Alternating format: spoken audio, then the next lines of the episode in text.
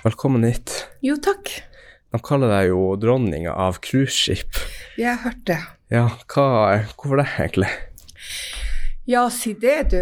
Um, egentlig så skal jeg jo velge å tro at jeg var veldig majestetisk. Det kunne jo være sånn her drømmeønske når man er dame, men uh, det er vel egentlig helt tilbake til 2003, når jeg begynte å jobbe med cruise til Alta. For at uh, i den tida så var det jo ikke noe særlig cruiseanløp i Alta.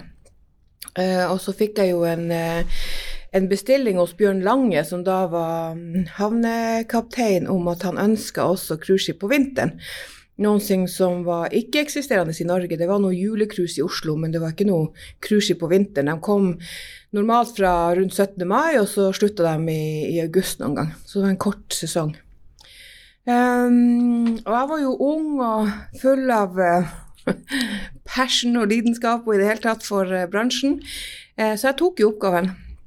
Uh, det ble jo noen heftige år, fordi bransjen, cruisebransjen, syns jo at jeg var fullstendig gal. Fordi det var jo ja.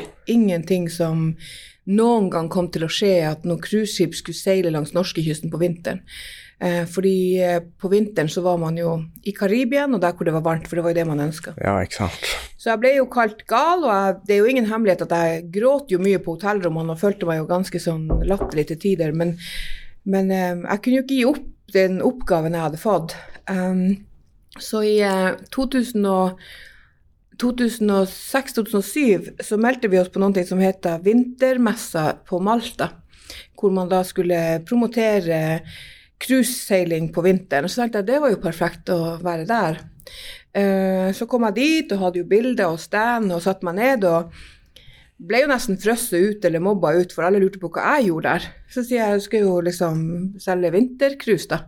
De bare Ja, men vintercruise er jo Maldivene og, og Karibien og Florida og de her tingene. Så sier jeg vintercruise må det vel være sne og scooter og ishotell. Ja, ja. Nei, da hadde jeg misforstått, fordi vintercruise var cruise i vintermånedene til varme land, og ikke i vintermånedene til kalde land. Og jeg husker en av de her store sjefene i rederiene som alle er litt redd. Han satt hengslengt på andre sida av meg og lurte på hva jeg holdt på med, og hvordan jeg skulle få de her cruiseskipene seilende opp til, eh, til, Norge på vinteren. Eh, så svarte jeg at det er vel ikke min jobb å vite hvordan du skal få dem seile oppover, for jeg er ikke en mekaniker eller en skipper. Ja. Men jeg kan fortelle deg hvilke aktiviteter du skal ha når du får dem dit opp. Det kan jeg gjøre. Og hun som satt ved siden av meg, hun gikk jo bare, hun bare har dumma seg utfor hele rederiet. Og så satt han der en stund, og så sier han I like your answer. Ah. I will make sure we will sail in Norway in the winter. Og så gikk han. Og jeg holdt på å dø, sant? for det var jo liksom en av de store sjefene i det hele tatt. Da begynte faktisk ballen å rulle når når han hadde sagt det. Og så hadde vi et rederi vi jobba lenge med, som skulle få eneretten, og så tok de ikke det. Og så jobba vi da med Saga, og de var jo de første som kom 26.3.2008. Um, da sa jeg opp jobben min da når de seilte, fordi det ble jo egentlig en, en katastrofe. Um, selv om ikke det har vært sagt høyt tidligere, så, ja. så um, Gjestene hadde det kjempefint. Vi fikk høyest score, alle var happy. Eh, men vi var jo ikke forberedt i det hele tatt på det vi fikk. Altså, det var mm. ikke, selv om forberedelsene var gjort og jobben var gjort, og de hadde vært der på visning, så vi var jo ikke forberedt. Altså, de sa til oss at de var 55 pluss. De var nærmere 100. Vi løfta dem på scooter. De brukte 70 minutter å skifte til eh, scooterklær og hundesledeturklær. Og Eirik Holmen ringte og var fortvilt, for han hadde endelig fått på dem scooterdressene. Så skulle de på do, så måtte de ta dem av. Alle turene var forsinka. Nei, det var uh, Ja, du aner ikke. Det var, uh, det var en historie som man kunne ha skrevet bok om, det er jeg sikker på. Hvor mange kommer det i en cruisebåt, da? Ja, nå i, i, vinter i år så, så, skal vi ha 23 anløp i januar, februar, mars. Det er 43 dager hvor vi står på, på kaia i januar, februar, mars. Mm. Og hvor mye passasjerer er det? Ja, nå er det jo litt vanskelig å si, fordi at eh, nesten alle går jo for under halv maskin. Eh, det jeg kan si at Vi har jo hatt åtte cruise så langt. Eh, og det vi har hatt av turer og omsetning på de åtte skipene som har vært til nå, det er det samme som vi brukte på ett skip i 2019 og 2020. Ah, ikke sant, ja. Men det er dobbelt så mye jobb fordi det er smittevernprotokoller, det er, de skal ikke være i kontakt med andre. Det må lages nye planer hele tida, så vi, vi jobber nok dobbelt så mye og bruker dobbelt av ressursene, men vi har mindre inntekt. Men det er en start, og vi er i gang. Men, men, jeg prøver jo liksom å regne og se på de her tingene, så det er jo en veldig stor forskjell på hva vi har. For normalt sett, som sagt, så, så har vi jo en, en, kanskje en 70 busser på et skip eh, som har ca. 1000 mm. gjester. Ja. Og nå har vi kanskje tre eller ti. Så, men, eh, men, vi er i gang, og så er det jo sånn at vi har ikke hatt kurs på, på to år. Så det er jo litt sånn småsand i maskineriet, mange nye folk. Um, vi var godt trent når vi stoppa i 2020, alle visste hva de skulle gjøre. Mange av de nøkkelpersonene er borte. Så det er kanskje bra at vi får begynne med litt sånn lavere antall, og så, og så kan det jo ta seg opp igjen etter hvert. Ja, da bygger man bare stein på stein ja, tilbake, rett og slett. Helt klart, det er der vi er. Selv om vi mentalt som har jobba lenge, tror at vi kan starte der vi var, så, er, så tror ikke jeg at vi, vi verken vi eller rederiene eller noen klarer det. Sant? De har jo heller ikke alle samme folkene eh, som de hadde når de stengte ned. Mm. Så, eh, så, jeg er bare veldig glad for at vi er i gang, og det er en god start. Og så håper vi på at vi igjen kan få noen gode år um, på vintercruise, for de finner noe annet interessant som de vil seile til. Mm. Hva som uh hva som var eh, grunnen til at du eh, eh ble forelska i reiseliv før du begynte i 2021, etter um, studiet, eller før studiet så? Ja, um, jeg skulle bli psykolog. Ah. Ja, så jeg begynte jo på psykologstudiet og var ganske ung da jeg begynte. Um, og fant jo fort ut når vi hadde en oppgave hvor vi skulle granske oss sjøl, at, um, at det her um, er kjempeinteressant, men det her er jeg jo ikke klar for. Og så vant jeg og min gode venninne Karianne penger i Lotto. Oh ja. Ganske stor sum den gangen, eh, som jeg valgte å bruke på å fære på guidekurs, eh, eller på guideskolen på Mallorca, som den gang da kosta nesten 40 000. Um, fordi at jeg hadde jo da stoppa uh, mitt uh, psykologistudie og tenkte at jeg kunne ikke bare gå og drive dank. Og jeg hadde et søskenbarn som hadde vært reiseleder for Ving. Så tenkte jeg at um, da kan jeg gjøre det en stund til jeg finner ut hva jeg nå skal gjøre. For jeg var jo litt um, uh, lei meg fordi at jeg hadde jo feila i, i, Jeg er jo litt sånn perfeksjonist, så mm. um, Så da dro jeg jo på den uh, skolen i desember uh, 1993. og ble helfrelst. og da jobba jeg jo i åtte år da for Startup fritidsreiser rundt omkring i, i hele verden. Um, og så kom jeg jo hjem fordi at jeg ble eh, henta av hun Mona Saab til å jobbe på Hasvik hotell. Eh, fordi at hun skulle føde han Bilal Saab, ah. som alle kjenner. Um, så kom jeg hjem da og jobba på hotellet der. Jeg ble henta til et hotell her i Alta, men kjente at det var liksom ikke det jeg ville holde på med, for det var nok ikke nok action for meg. Så da starta jeg jo mitt eget selskap da, og gjorde omtrent det samme som jeg gjorde i utlandet med å jobbe med guider og og gjester og være vertskap og, og de her tingene. Så, så, tok jeg jo en bachelor da i nasjonal og internasjonal eh, guiding, som er en sånn nerdete uh, studie som ikke så mange har. Uh, men, uh, men det er jo liksom den her jeg tror at i reiseliv så enten så, så lever du om det for det, og så er det en livsstil, eller så, så finner du på noe annet etter hvert. Fordi hvis du ikke kan stå og smile på kaia selv om du har sovet to og en halv time når gjestene kommer, sånn at du bare er forbanna, så, mm. så må du liksom gjøre noe annet. For at det er når det, er, når det, er, heftig og det er mye å gjøre, så er det heftig og mye å gjøre. Mm. Så, men det er jo en spesiell bransje, da. Jeg husker eh, både min sønn og min datter, når de gikk på Gaiskri, så skulle de skrive en sånn, en sånn eh, fortelling om foreldrene sitt yrke. Det var en sånn oppgave de hadde i norsken. Og sånn, og så husker jeg først min datter hun var sånn 'Mamma, eh, kan du fortelle litt om hva du gjør?' Og så prøvde jeg å forklare, og så liksom 'Ja, en vanlig arbeidsdag hos deg'. Så prøvde jeg å forklare, og så husker jeg at hun satt og så på meg, og tror jeg gikk i femte klasse. Og så sier hun eh, Jeg tror det hadde vært lettere hvis du hadde jobba på Rema, sier hun til meg i en sånn her forbifart. Jeg bare ja, det kan jo godt være. Ja, for jeg, jeg tror ikke noen skjønner hva det her er. Jeg sier, men du må jo bare skrive noe, så får vi se.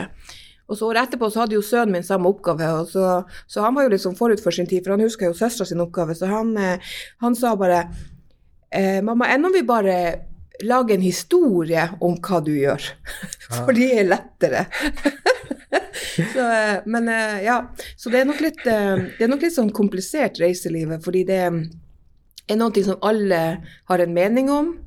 Alle har vært på ferie i Spania og tror de kan det. Mm. Eh, og da er det eh, nok litt vanskeligere å forholde seg til det. Fordi jeg setter ikke inn en egen stikkontakt eller bygger mitt eget bord eller mitt eget hus, fordi at jeg, det kan jeg ikke. Men det er mange som har et annet yrke, som har en veldig sterk mening og mener at de kan mitt yrke.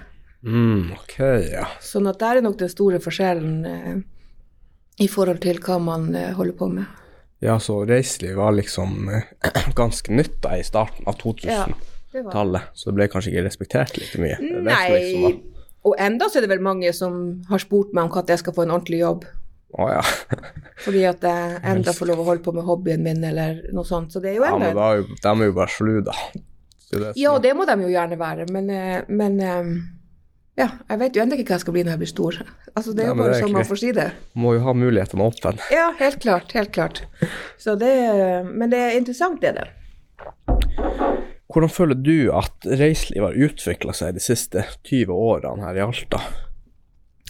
Eh, Jeg er jo ikke sjøl fra Alta, så jeg må jo si at når jeg flytta hit i 2000, eh, og den utviklinga som har vært eh, i Alta, er jo helt sinnssyk.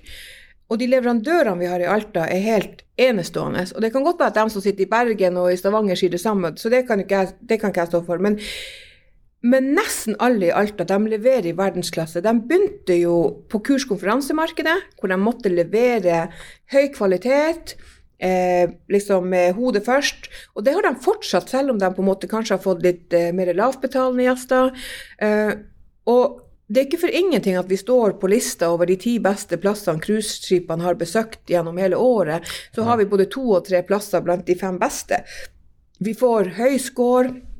Eh, det er stort sett veldig godt samarbeid. Eh, folk hjelper hverandre. Står vi på kaia og har et problem, så er det bare å ta en telefon. Folk hopper opp. Det er en sånn, er en sånn vilje til å få det til å funke som jeg syns er helt fantastisk. Og så har du jo noen skjær i sjøen sant, som, som, eh, som kanskje eh, ikke eh, egentlig holder på med reiseliv, men som plutselig får lyst til å holde på med det, som stikker innom, som ikke skjønner totalen i forhold til med forsikring og alle de her tingene. Um, og det tror jeg man må leve med. Og så fikk vi plutselig Airbnb, som var litt sånn vanskelig i begynnelsen. Nå har man liksom lært å, å, å få det inn. Så det, altså det skjer jo ting mye fortere nå enn da jeg begynte. Vi hadde liksom mye bedre tid når jeg begynte i reiselivet eh, i, for eh, 10-15 år siden enn det vi har i dag. Nå går ting så veldig fort, og så må man liksom henge med. Men, men altså, stort sett så må jeg si at reiselivet i Alta er, er et unikum. Og det er den der skattkista som Mona i NHO snakker om hele tida, den, den har vi virkelig i Alta. Det er fantastiske leverandører. I verdensklasse, absolutt. Mm.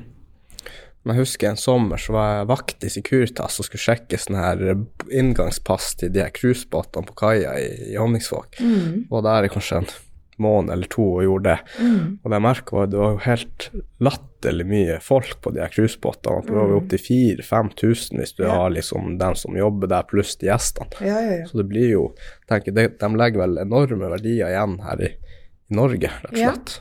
Det gjør de jo, og det der er jo omdiskutert. Sant? For at media har jo bestemt seg at cruise er mobbeofre. Sånn ser jeg det fra mitt ståsted. Um, og jeg føler jo at Uh, vi har jo prøvd å komme i dialog med dem. Jeg sitter jo som leder i Cruise Norway, som er et markedsføringsorgan for cruise i Norge. Uh, og vi har jo prøvd flere ganger å komme i dialog, men man har liksom bestemt seg for at cruise Og det er klart at det er lett å skylde på cruise, fordi du ser de store cruiseskipene som ligger der, du ser røyken og alt det her. Men hvis vi, skal, hvis vi skal bryte det litt ned til Alta, da, f.eks. Vi tar jo ikke de store som tar 4500. Vi har sagt at vi kan ta maks 4000 i Alta, for vi har gjort en risikoanalyse på det. Vi begynte med 750 i 2008, og så har det jo liksom økta i forhold til hva man har av kapasitet. Men, men det er liksom det vi kan ta imot. Og eh, på en vinter, når, når vi, norm, nå snakker jeg normalt år, ikke nå når det er korona, så når vi har ett cruiseskip på vinteren, så er det samme omsetning og jobb som 20 cruiseskip på sommeren. Oi. Og det er fordi at på sommeren har de seilt i mange år, så de ligger de kanskje her i to timer eller fire timer. Når de kommer på vinteren til Alta, så ligger de i to eller tre dager. Ah. Eh, vi har sånn mellom eh, 169% og 216% av gjestene på tur. Det vil si at alle får på to eller tre turer. Ah, Og gjennomsnittlig så kjøper de turer i Alta på vinteren for 1850 kroner per person om bord. ja. Ja. Det er det de kjøper i utflukter. I tillegg så vet vi jo at de er normalt sett å handle på, eh, litt på amfi. Mange booker egne turer online. Eh, folk drar kanskje på museet, i katedralen. Eh, sånn i 2015 så gjorde, en, eller så gjorde vi en samfunnsøkonomisk eh, lite regnskap hvor vi ringte til ganske mange som hadde hatt effekt av det her ene cruiseskipet, eh, eller de her, de her ti cruiseskipene som hadde vært da i en periode. Og på de ti Nei, det var tolv cruiseskip, unnskyld. For de tolv cruiseskipene så hadde de lagt igjen litt over 22 mill. i Alta. ja. Ja. Så, sånn at i utgangspunktet så tenker jeg at eh, selv om det er mange som, som er imot cruise og sånn, så har vi egentlig ikke råd til å, å si nei, fordi vi får ikke så mange gjester på noen andre måter. Og så kan du jo da begynne å snakke om miljø. Jeg er ikke god på det miljøet. Jeg, jeg prøver å gjøre ting riktig. Jeg, jeg sorterer, og jeg prøver liksom å gjøre de tingene som man kan gjøre. Men eh, ett charterfly, da, hvis vi har et, nei, ett cruiseskip da, som har, da har hatt 216% på tur, eh, siden de hadde 2500 gjester om bord, eh, da snakker vi plutselig eh, 55 charterfly. Å ja. Ja. Ok. Ja. Så, så da får vi jo regne ut hvor mye utslipp gir 55 charterfly kontra det ene cruiseskipet som det har seilt oppover. Mm. Så her er jo noen avregninger som må gjøres. Og så er jo Cruise jobber jo nå veldig for miljø. De jobber jo for eh, å få eh, batteri, landstrøm, LNG. Det jobbes masse med ny teknologi i cruise. Eh, når det gjelder korona, så har jo veldig mange av dem fått egne laboratorier. De tester jo gjestene nesten hver dag. Guidene våre må testes. eh, det er streng regime. eh, så nå tror jeg jo nesten at cruiseskipene er en av de sikreste plassene å være. Og får de smitte, så, så returnerer de tilbake til, eh, til starthavna si, og det er jo gjort masse, masse regler. Så, sånn at det blir ikke gjort sånne regler om du kommer med fly eller med buss. Nei. Så, eh, så akkurat nå så det jobbes mye i den industrien. Og så er det klart, her er noe bakside. Det er de alt vi holder på med. Det er alltid noen som tjener mer penger enn andre, og det er alltid noen som er lurere og sleipere enn andre, og noen av oss er naive og snille og sånn. Det vil vi finne i alle bransjer og, og overalt. Mm. Vi får jo bare satse på at teknologien går fremover, og at det blir elbåter til slutt, eller elskip. Ja, helt klart. Mm. Og så spørsmålet med de store batteripakkene, hvor skal vi gjøre av dem når, når Ja. de ikke kan brukes lenger? Må resirkuleres. Ja, det er jo akkurat det. Her er jo, her er jo noe Men eh, teknologien går jo så fort frem at jeg, jeg føler meg i hvert fall sånn sikker på at de som holder på med det, vet hva de gjør. Og så, vi kan ikke mistenke at de ikke vet hva de gjør, for da har vi et problem. Og så tenker jeg at eh, hvis man har sagt at det er batteri, og det er det som på en måte nå gjelder, så regner jeg med at man er snart der at man vet hvordan man skal resirkulere også batteri. Det tenker jeg at det, De har sikkert en plan. Så når du starta North Adventure, begynte det da som at du eh, lagde turer for gjester som kom opp hit, liksom at du planla hele liksom reisen? Ja. um, jeg begynte jo uh, først det som heter Alta Guide Service, for jeg begynte jo med guider først. da. Det var det helt første jeg begynte med. Og så, og så um, danna vi North Adventure da, fordi at hun Vigdis Næss, som hadde da eh, det heter vel eh, Via eh, Travel, som etter hvert ble G-Travel og Nuberg Hansen. Um, hun kom, og så tok hun meg under hennes vinger, og vi gjorde en funksjon. Og da ble det å hete først Via Alta Tours og så North Adventure. Um, North Adventure-navnet var jo et navn som hun Sølvi Monsen hadde, som vi kjøpte inn i våre selskap. Ja. Eh, og da var det jo guiding, og det var turistinformasjon, og det var pakketering. Det å lage pakker til gjester og organisere hele turen deres, altså skreddersy hele opplegget deres. Eh, og det har vi jo enda holdt på med. liksom den, den Selve kjernen der har, jo, har vi holdt på med enda. Så vi skreddersyr veldig mye for gjestene. Det er veldig viktig for oss at vi skreddersyr, at de får det de vil ha.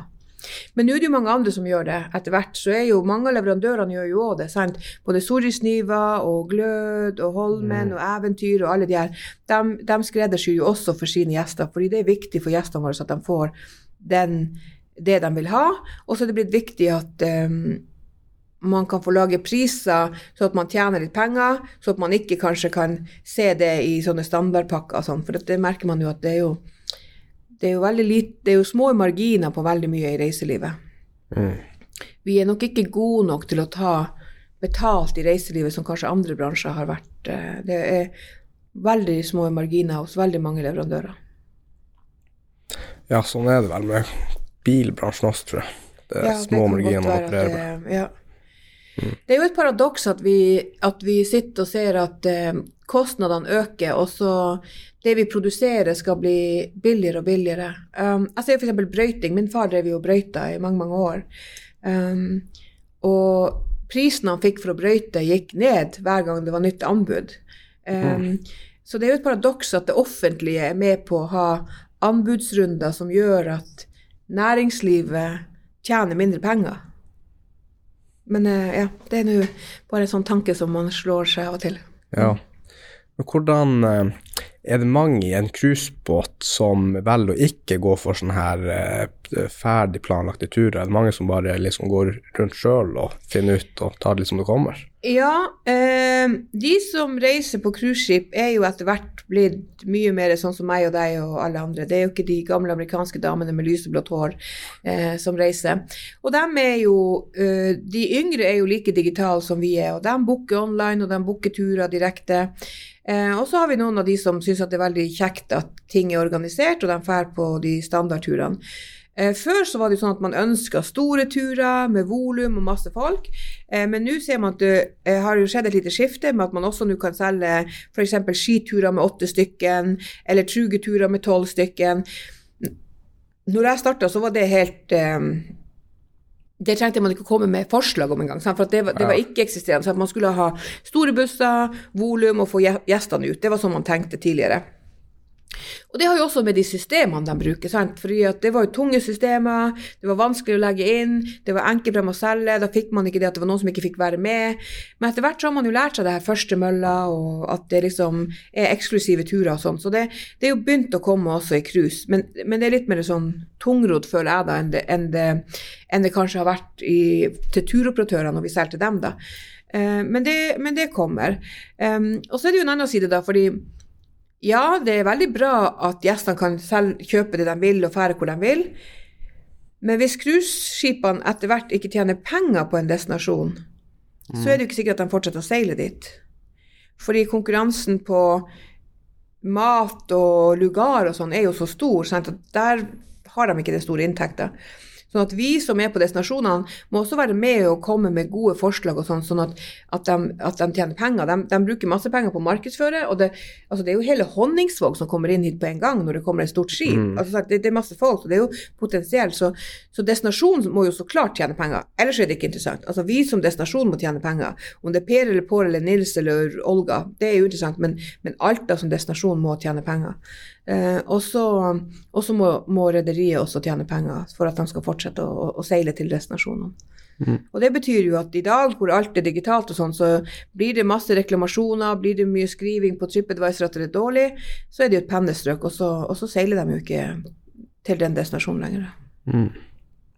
Skulle det vært gjort noe? Eller Er Alta en by som For jeg føler at når cruisebåtene kommer inn her, så kommer de jo rett inn i et industriområde. Er det vanlig i resten av Norge? Eh, nei, kanskje ikke i resten av Norge, men i resten av verden så er det jo veldig mange havner som har det sånn. Ah. Eh, når det er sagt, så er havna eh, normalt sett veldig flinke å rydde, sånn at, eh, så at det er ryddig og fint når de kommer. Eh, det er bra for oss, for vi selger masse turer. Eh, der er jo noen som spaserer til Antmannsnes og til Elvebakken og sånn, men, men siden at den legger til og ikke i sentrum, sant, så vil de dra på utflukter, som er bra for oss. Mange havner hvor de legger til midt i sentrum, så er de bare å spasere rundt, og så tjener man ikke penger. Ja, ikke Så, så for oss er jo det bra. Men eh, det er klart at her jobbes jo for å få en ny kai på andre sida, der hvor den her Nato-kaia er liksom Ja, hvor er det i Alta-ski? Det er liksom du kjører mot Antmannsnes, liksom, der hvor den store siloen er. Å ja. ja, der ja, der Ja. de ubåtene har brukt og parkert før i tida. Kan godt være. Ja, Der ønsker man jo, der er jo en prosess nå, det har jo vært i kommunestyret og alt. Og det er jo klart, det, og det er jo flere grunner til det. Vi ligger veldig nært flyplassen, så vi ligger jo i innseilingssonen. Ja, ja ikke sant? Eh, vi har en, en kort kai som gjør at vi ikke kan ta imot de store skipene som kommer. Eh, jeg har i løpet av høsten måttet sagt nei faktisk til 15 skip som ønsker å komme. Eh, flere av dem har jo nå eh, foren til Narvik istedenfor, for at de har en stor kai. Sånn at vi er jo i en brytningsfase. Vi har 65 anløp eh, som skulle ha kommet i, i 2022. Nå er allerede ganske mange av dem kansellert pga. flere ting, så nå er det 49. Men si at det var 65, da.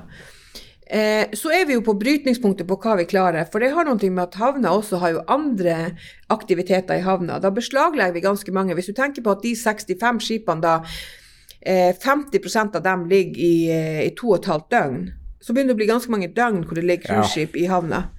Eh, og da eh, er det andre ting som ikke kan komme inn til havna, siden vi bare har den ene.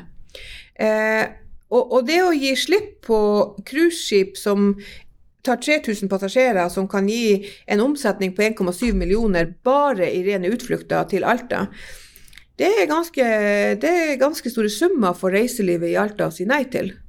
Um, sånn at enten så tror jeg at vi må skalere ned, og så si at vi kan ta vi kan ta 20-30 skip i året, det er det vi kan ta for at havna fortsatt skal drive med drift.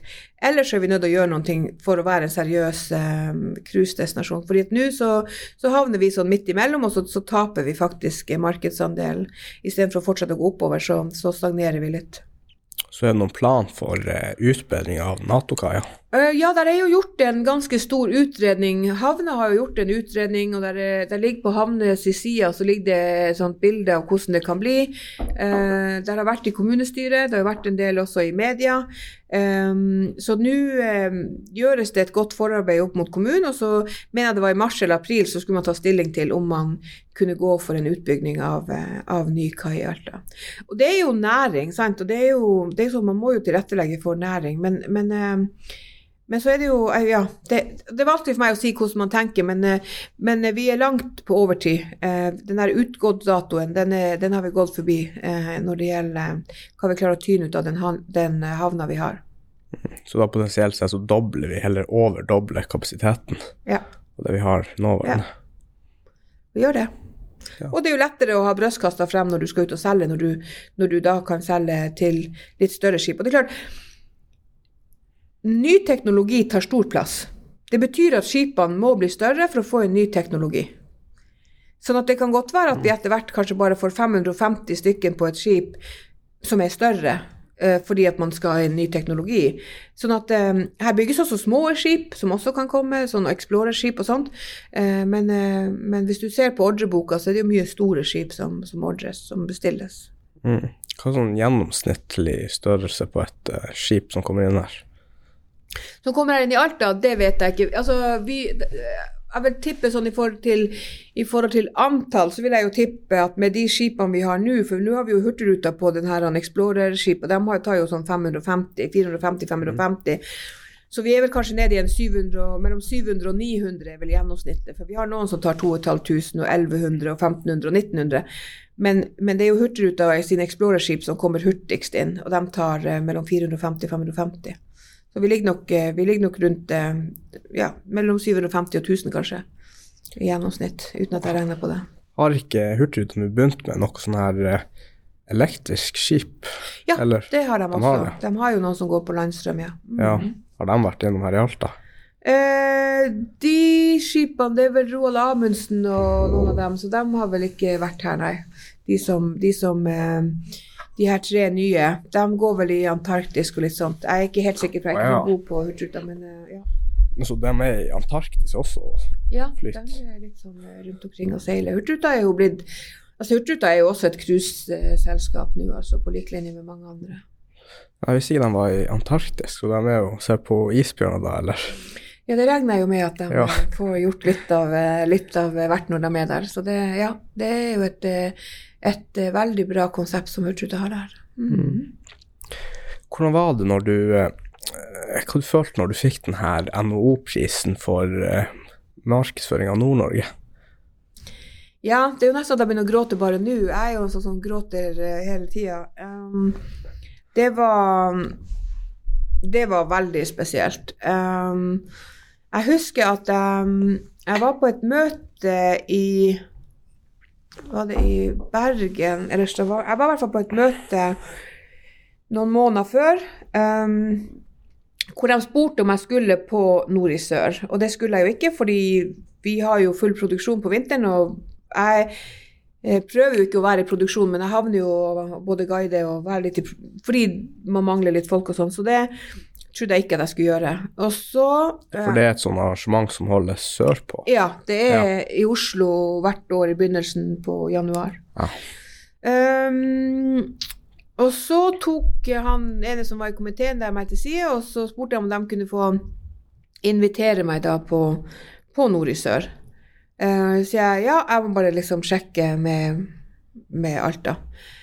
Uh, så sjekka jeg jo, og det gikk jo fint. Og så etter hvert så ble jeg jo tipsa om det, for de trengte jo litt informasjon og sånn hos meg da. Så, um, og fordi at de forbereder jo folk litt uh, på det. Um, og da gikk det jo noen dager hvor jeg uh, gikk i en sånn transe, fordi at jeg tenkte at uh, jeg var helt sikker på at noen drev ap med meg. Jeg tenkte at her er, sant, det her går ikke an. Altså, det var jo liksom bare for meg å, å, tenke, så hadde jeg jo liksom hendene fulle av folk som burde få den prisen lenge før meg. Um, så jeg husker jeg diskuterte det med ei på jobb, og så sier jeg at uh, Jeg vet ikke om, om det er noe sånn her skjult kamera, eller hva det sier, men uh, jeg, jeg, vet ikke hva det er. Og altså, Arctic Race of Norway hadde jo fått denne prisen noen år før, og da var jeg der nede og liksom så liksom den dimensjonen dimensjon som var på det.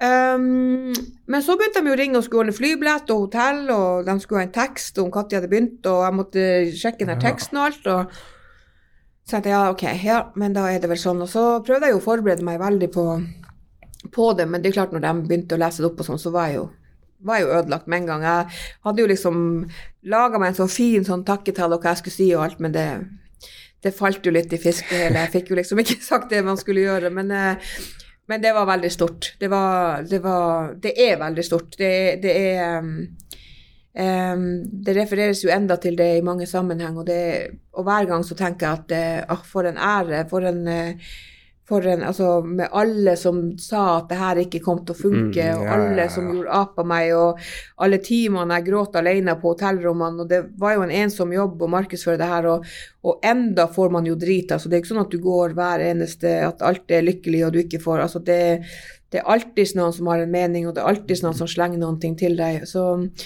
så kan jeg gå hjem og se på det bildet og så bare tenke at eh, Men det er jo også noen som ser, eh, ser eh, totalen, liksom. Mm. Så det er um, Men det er mange som fortjener den, det må jo sies. Og, og jeg har jo ikke gjort det alene. Det, altså, Havna har jo vært enorm støttespiller. De har vært helt, helt fantastiske. Jeg kunne ha ringt dem når som helst. Um, Tor Kjetil i Sorrisniva har jo vært en eh, Altså, jeg får ikke forgude han nok eh, alle de gangene jeg måtte ha ringt til han når det var drit, og han trodde på det fra, fra dag én. Når vi hadde møte med, med, leverandører her i Alta, så var det jo mange som sa at nei, det her går liksom ikke. Det var liksom Det var han og Glød og, og Trond i Peska og, og, han Erik Nilsen og museet, liksom, som var de første som på en måte sa ja, men vi går for det her, og vi, vi er med og betaler. og og, og, alle de første leverandørene i Alta som var med etter hvert som på en måte uh, Sauto Safari, Masi og Samesidene og Trasti og Trine og alle de her kom med, så har jo alle vært med og betalt for at vi har vært ute og reist, for det koster mye å være på de messene. sant? Kommunen har vært med, havna har vært med, eh, lufthavna har vært med. Eh, leverandørene har stilt opp på visningsturer og gitt det gratis, og agenter som har jobba. Så det er jo liksom jeg har jo fått vært den som har vært foran og, og gjort det og, og, og jobba det, men det har jo vært en styringsgruppe, og det har vært folk bak. sant? Vigdis Nesse som trodde på det og brukte masse masse penger på det. Lena Nilsen som var daglig leder, som også pusha og fikk tingene til å gå. Så, så det er klart at det her er jo det er jo sykt mange som, som fortjener å ha en, ha en del av, av, en sånn pris. Jeg har jo bare vært heldig og vært den som har fått vært i front og, og gjort jobben. Mm. Uh, så det er jo det er, um, det er mye svette og tårer og, og, og mange samarbeidspartnere for å, for å, få til noe sånt. Hvor mye reising ble det da i denne 20-årsperioden? Uh, jeg har jo valgt å ikke regne uh, hvor mye jeg har reist, men vi kan vel oppsummere det sånn at jeg, jeg hadde et uh, møte i barnehagen da min sønn skulle begynne på skolen, så hadde jeg som siste foreldresamtale. Så sier hun i barnehagen at ja, vi har jo snakka om det at ungene dine er veldig veloppdratt, og det funker jo veldig bra selv om du er mye på reise. Um, og så tenkte jeg um, Nummer én, de har jo også en far um, som er, har vært fantastisk og stilt opp, og han er bare helt unik. det er mange som jobber i andre bransjer, som sikkert reiser like mye som meg, og som pendler like mye, men det blir kanskje ikke sett på på, på samme måte. Um, etter hvert som når ungene er blitt eldre, og sånn, så har jeg jo, har jeg jo Jeg reiste nok ikke like mye da, for da var jeg også var jeg sånn at hvis jeg kjente at det var noe feil, eller at det ikke passa, så avlyste jeg. Da reiste jeg ikke. Da var det sånn, men, men da drar jeg ikke. Mm. Um, men, eh, men, eh, ja. Um, på de heftigste årene uh, så har det nok vært uh, fort 100-150 reisedøgn. Mm. Det har det fort vært. Ikke hvert år, men, men, på sånne år som på en måte var veldig hektisk. Nå er det jo mer, fordi nå har jeg jo helt andre eiere, og jeg har hovedkontor i Stavanger og prøver å være der en uke i måneden. Eh, men nå er ungene mine 18 og 19 år og syns vel at det er jækla kjekt når mora er borte og de har huset for seg sjøl. Så, nå er det litt sånn når vi planlegger og sånn, så er det sånn her, ja, men eh, det går fint, mamma. det går fint, vi tar, tar ansvaret. vi, vi, det går fint. Så, sånn at nå, tror jeg at de bare syns at det er, veldig kjekt. Så, men men nå er jeg jo litt inhabil, men eh, det ser ut som det går bra med dem begge to, selv om de har hatt en mor som har reist mye. For du, du solgte vel eh, North Adventure nylig til eh, Boreal? Ja. Hva eh, Hvorfor var du bare lei av å holde på alene, eller hva? Nei, eh, jeg bruker å si at jeg ikke er født under en sånn veldig heldig stjerne, men den, denne gangen så må jeg nok ta meg i det. Fordi vi skulle ikke selge Det var ikke meningen at vi skulle selge North Adventure, det var ikke en sånn stor plan. Eh, og så begynte det å banke noen på døra eh, allerede i uh, 2000 og Det var vel 2010 2013-2014 så var de første på døra, og vi diskuterte det i styret frem og tilbake. og eh, Vi kom ganske langt i prosessen, eh, men helt på slutten der så kjente jeg at det ikke var, var rett. Eh, så vi på en måte lot den ligge. Eh, og så kom Boral eh, ganske tidlig på banen, men, men den ble også forkasta et par ganger. Og så plutselig, i 2017-2018, så, så, kom det veldig mange interessenter. Eh, det var noen interessenter som er ganske store, og som har kjøpt opp ganske mange. Og det var noen lokale, og det var flere interessenter. Så vi diskuterte det jo litt i styret. og, og det tok jo litt tid for meg spesielt, da, som kanskje var hjertebarnet mitt da. Eh, men jeg hadde jo vært igjennom det samme når jeg solgte Alta Guide Service til hun Vigdis i sin tid, da, eh, eller funksjonerte med henne. Um, og så tenkte jeg jo litt på de ansatte. Jeg snakka lenge med mine barn. Ingen av dem. ene skulle bli lege, og den andre skulle studere økonomi um, og idrett. Så det var liksom ikke noen av dem som kjente at um, det var viktig for dem. og da tenkte jeg at Jeg er snart 50 år gammel. Um, har jeg lyst til å fortsatt uh, springe rundt på kaia? Uh, uh, ja, det har jeg. har jeg fortsatt lyst til å holde på med alle de tingene? Ja, det har jeg. men jeg trenger nye utfordringer. Jeg er en sånn person som hele tida må ha nye utfordringer. De ansatte får helt angst når jeg har vært på lange reiser når jeg kommer hjem med nye ideer. så det å da bli en del av noe større ville gi meg en ny utfordring. og jeg visste jo ikke når jeg solgte det, om Planen var at det skulle være et eget selskap, det var jo det som var planen da, men at vi på en måte kunne dra noen synergier.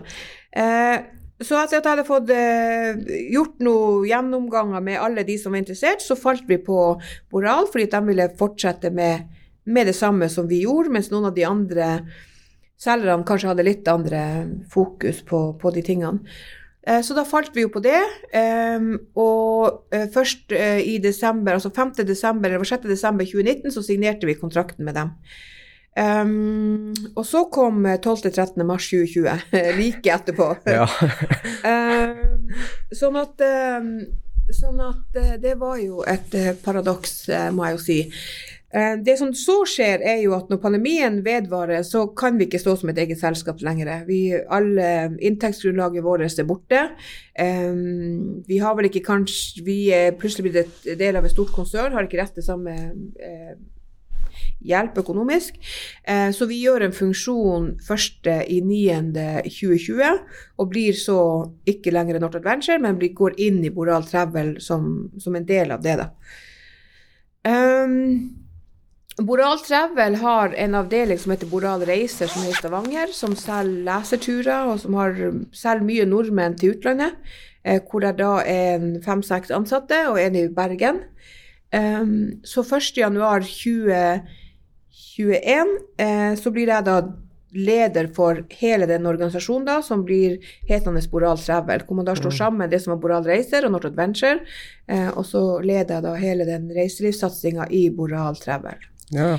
Så det har vært veldig spennende, og det har vært veldig bra for min mentale helse eh, i pandemien å ha det å styre med, eh, da jeg er en eh, veldig sosial person og har følt meg litt i et fengsel i pandemien.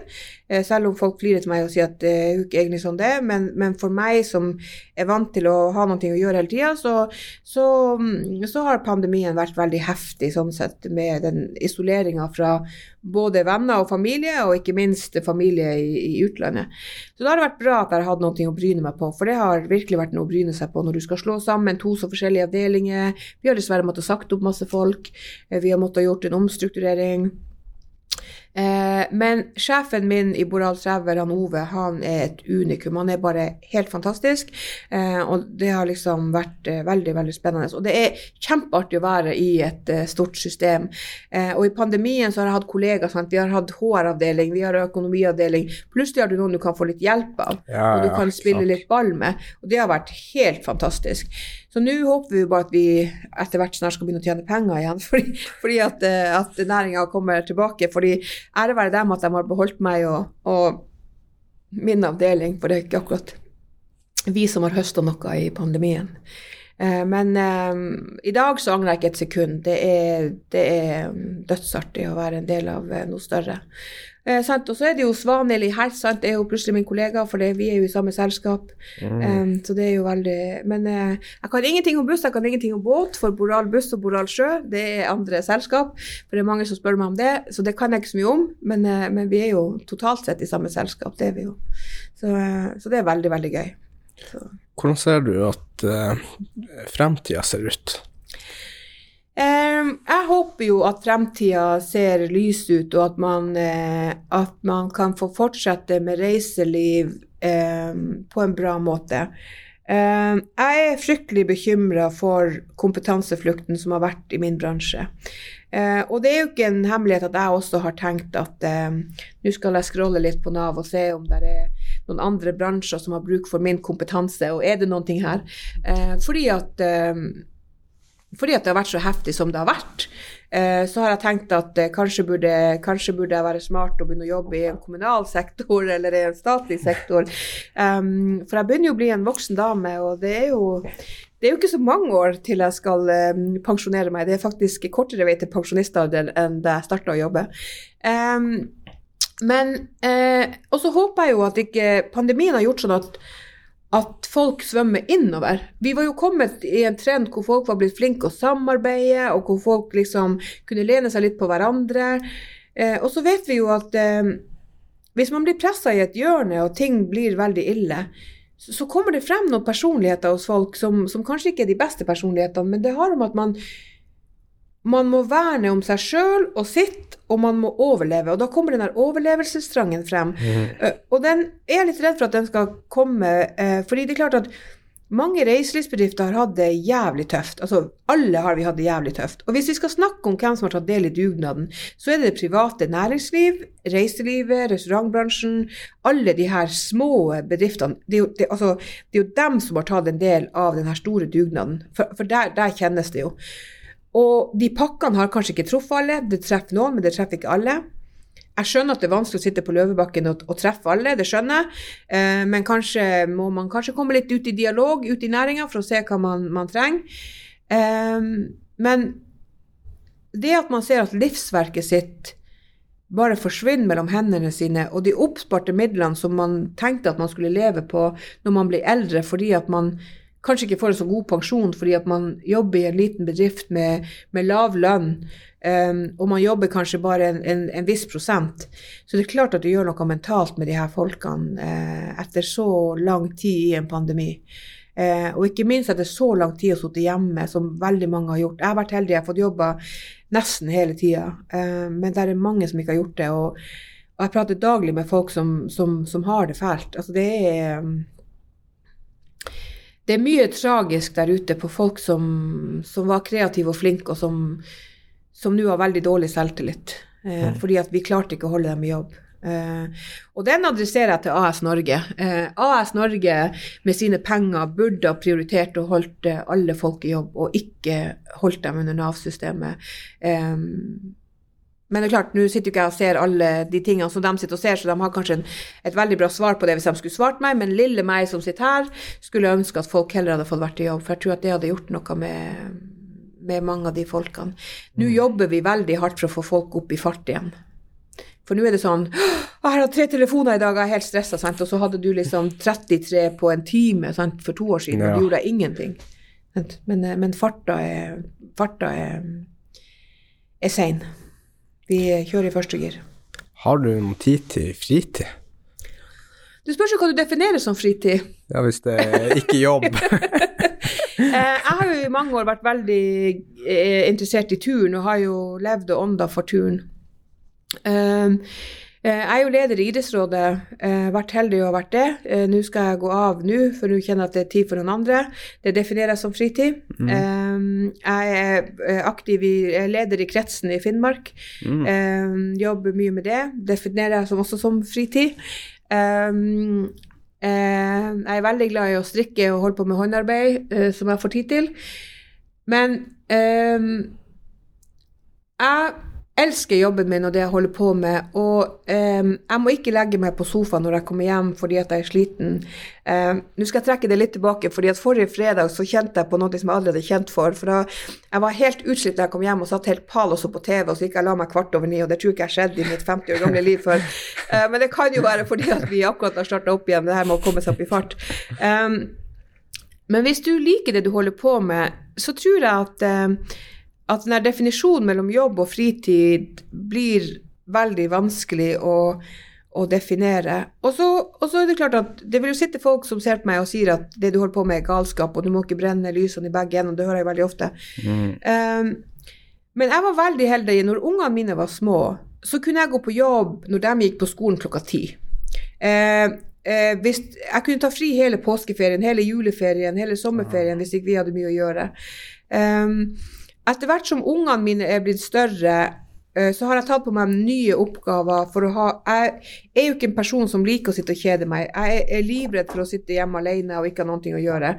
Um, og det er klart, Jeg kan ikke ta livet av ungene mine. De kan ikke sitte og spille kort med mora eller sitte og prate med mora. Det er ikke naturlig når du er 18 og 19 år, eller 19 og 20 som de er nå. Um, så da har jeg jo tatt på meg andre ting og gjør andre ting for å være okkupert med noen ting. Jeg er ikke glad i å vaske hus, jeg er ikke glad i å måke snø. Eh. Så da er det bedre å gjøre andre ting som man liker å gjøre, for da er det lystbetont, og da har man det bedre med seg sjøl.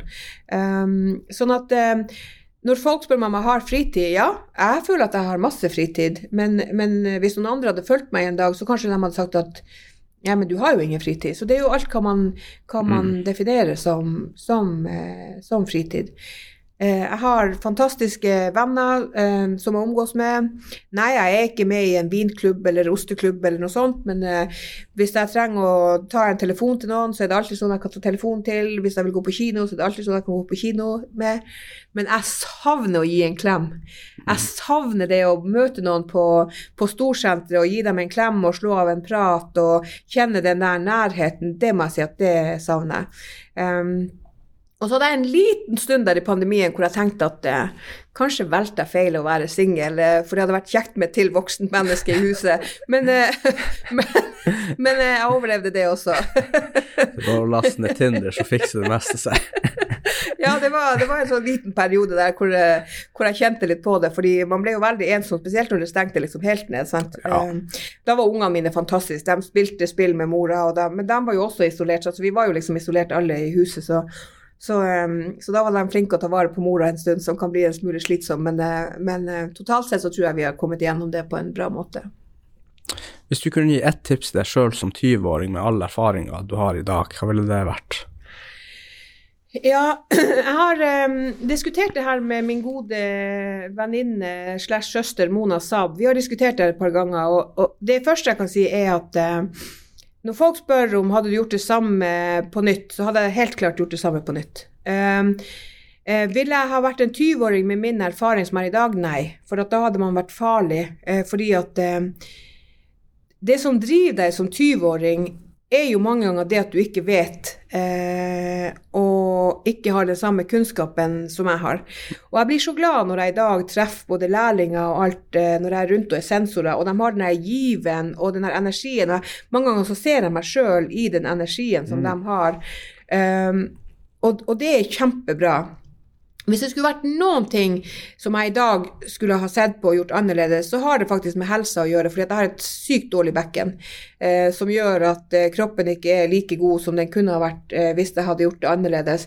Hvis jeg hadde hørt på leger og fysioterapeuter som sa at jeg skulle gjøre sånn og sånn og sånn, eh, men fordi at du er ung, så tror du at du kan ting best, noen ting som som kanskje er en del av livet og en del av det at man overlever, så skulle jeg nok ha endra litt, eh, litt på det. Og så tror jeg at eh, jeg skulle ikke ha vært så Jeg er jo en sånn person som bestandig prøver at alle skal ha det bra, og at det skal gå bra med alle, og alle skal være med, og alt det her.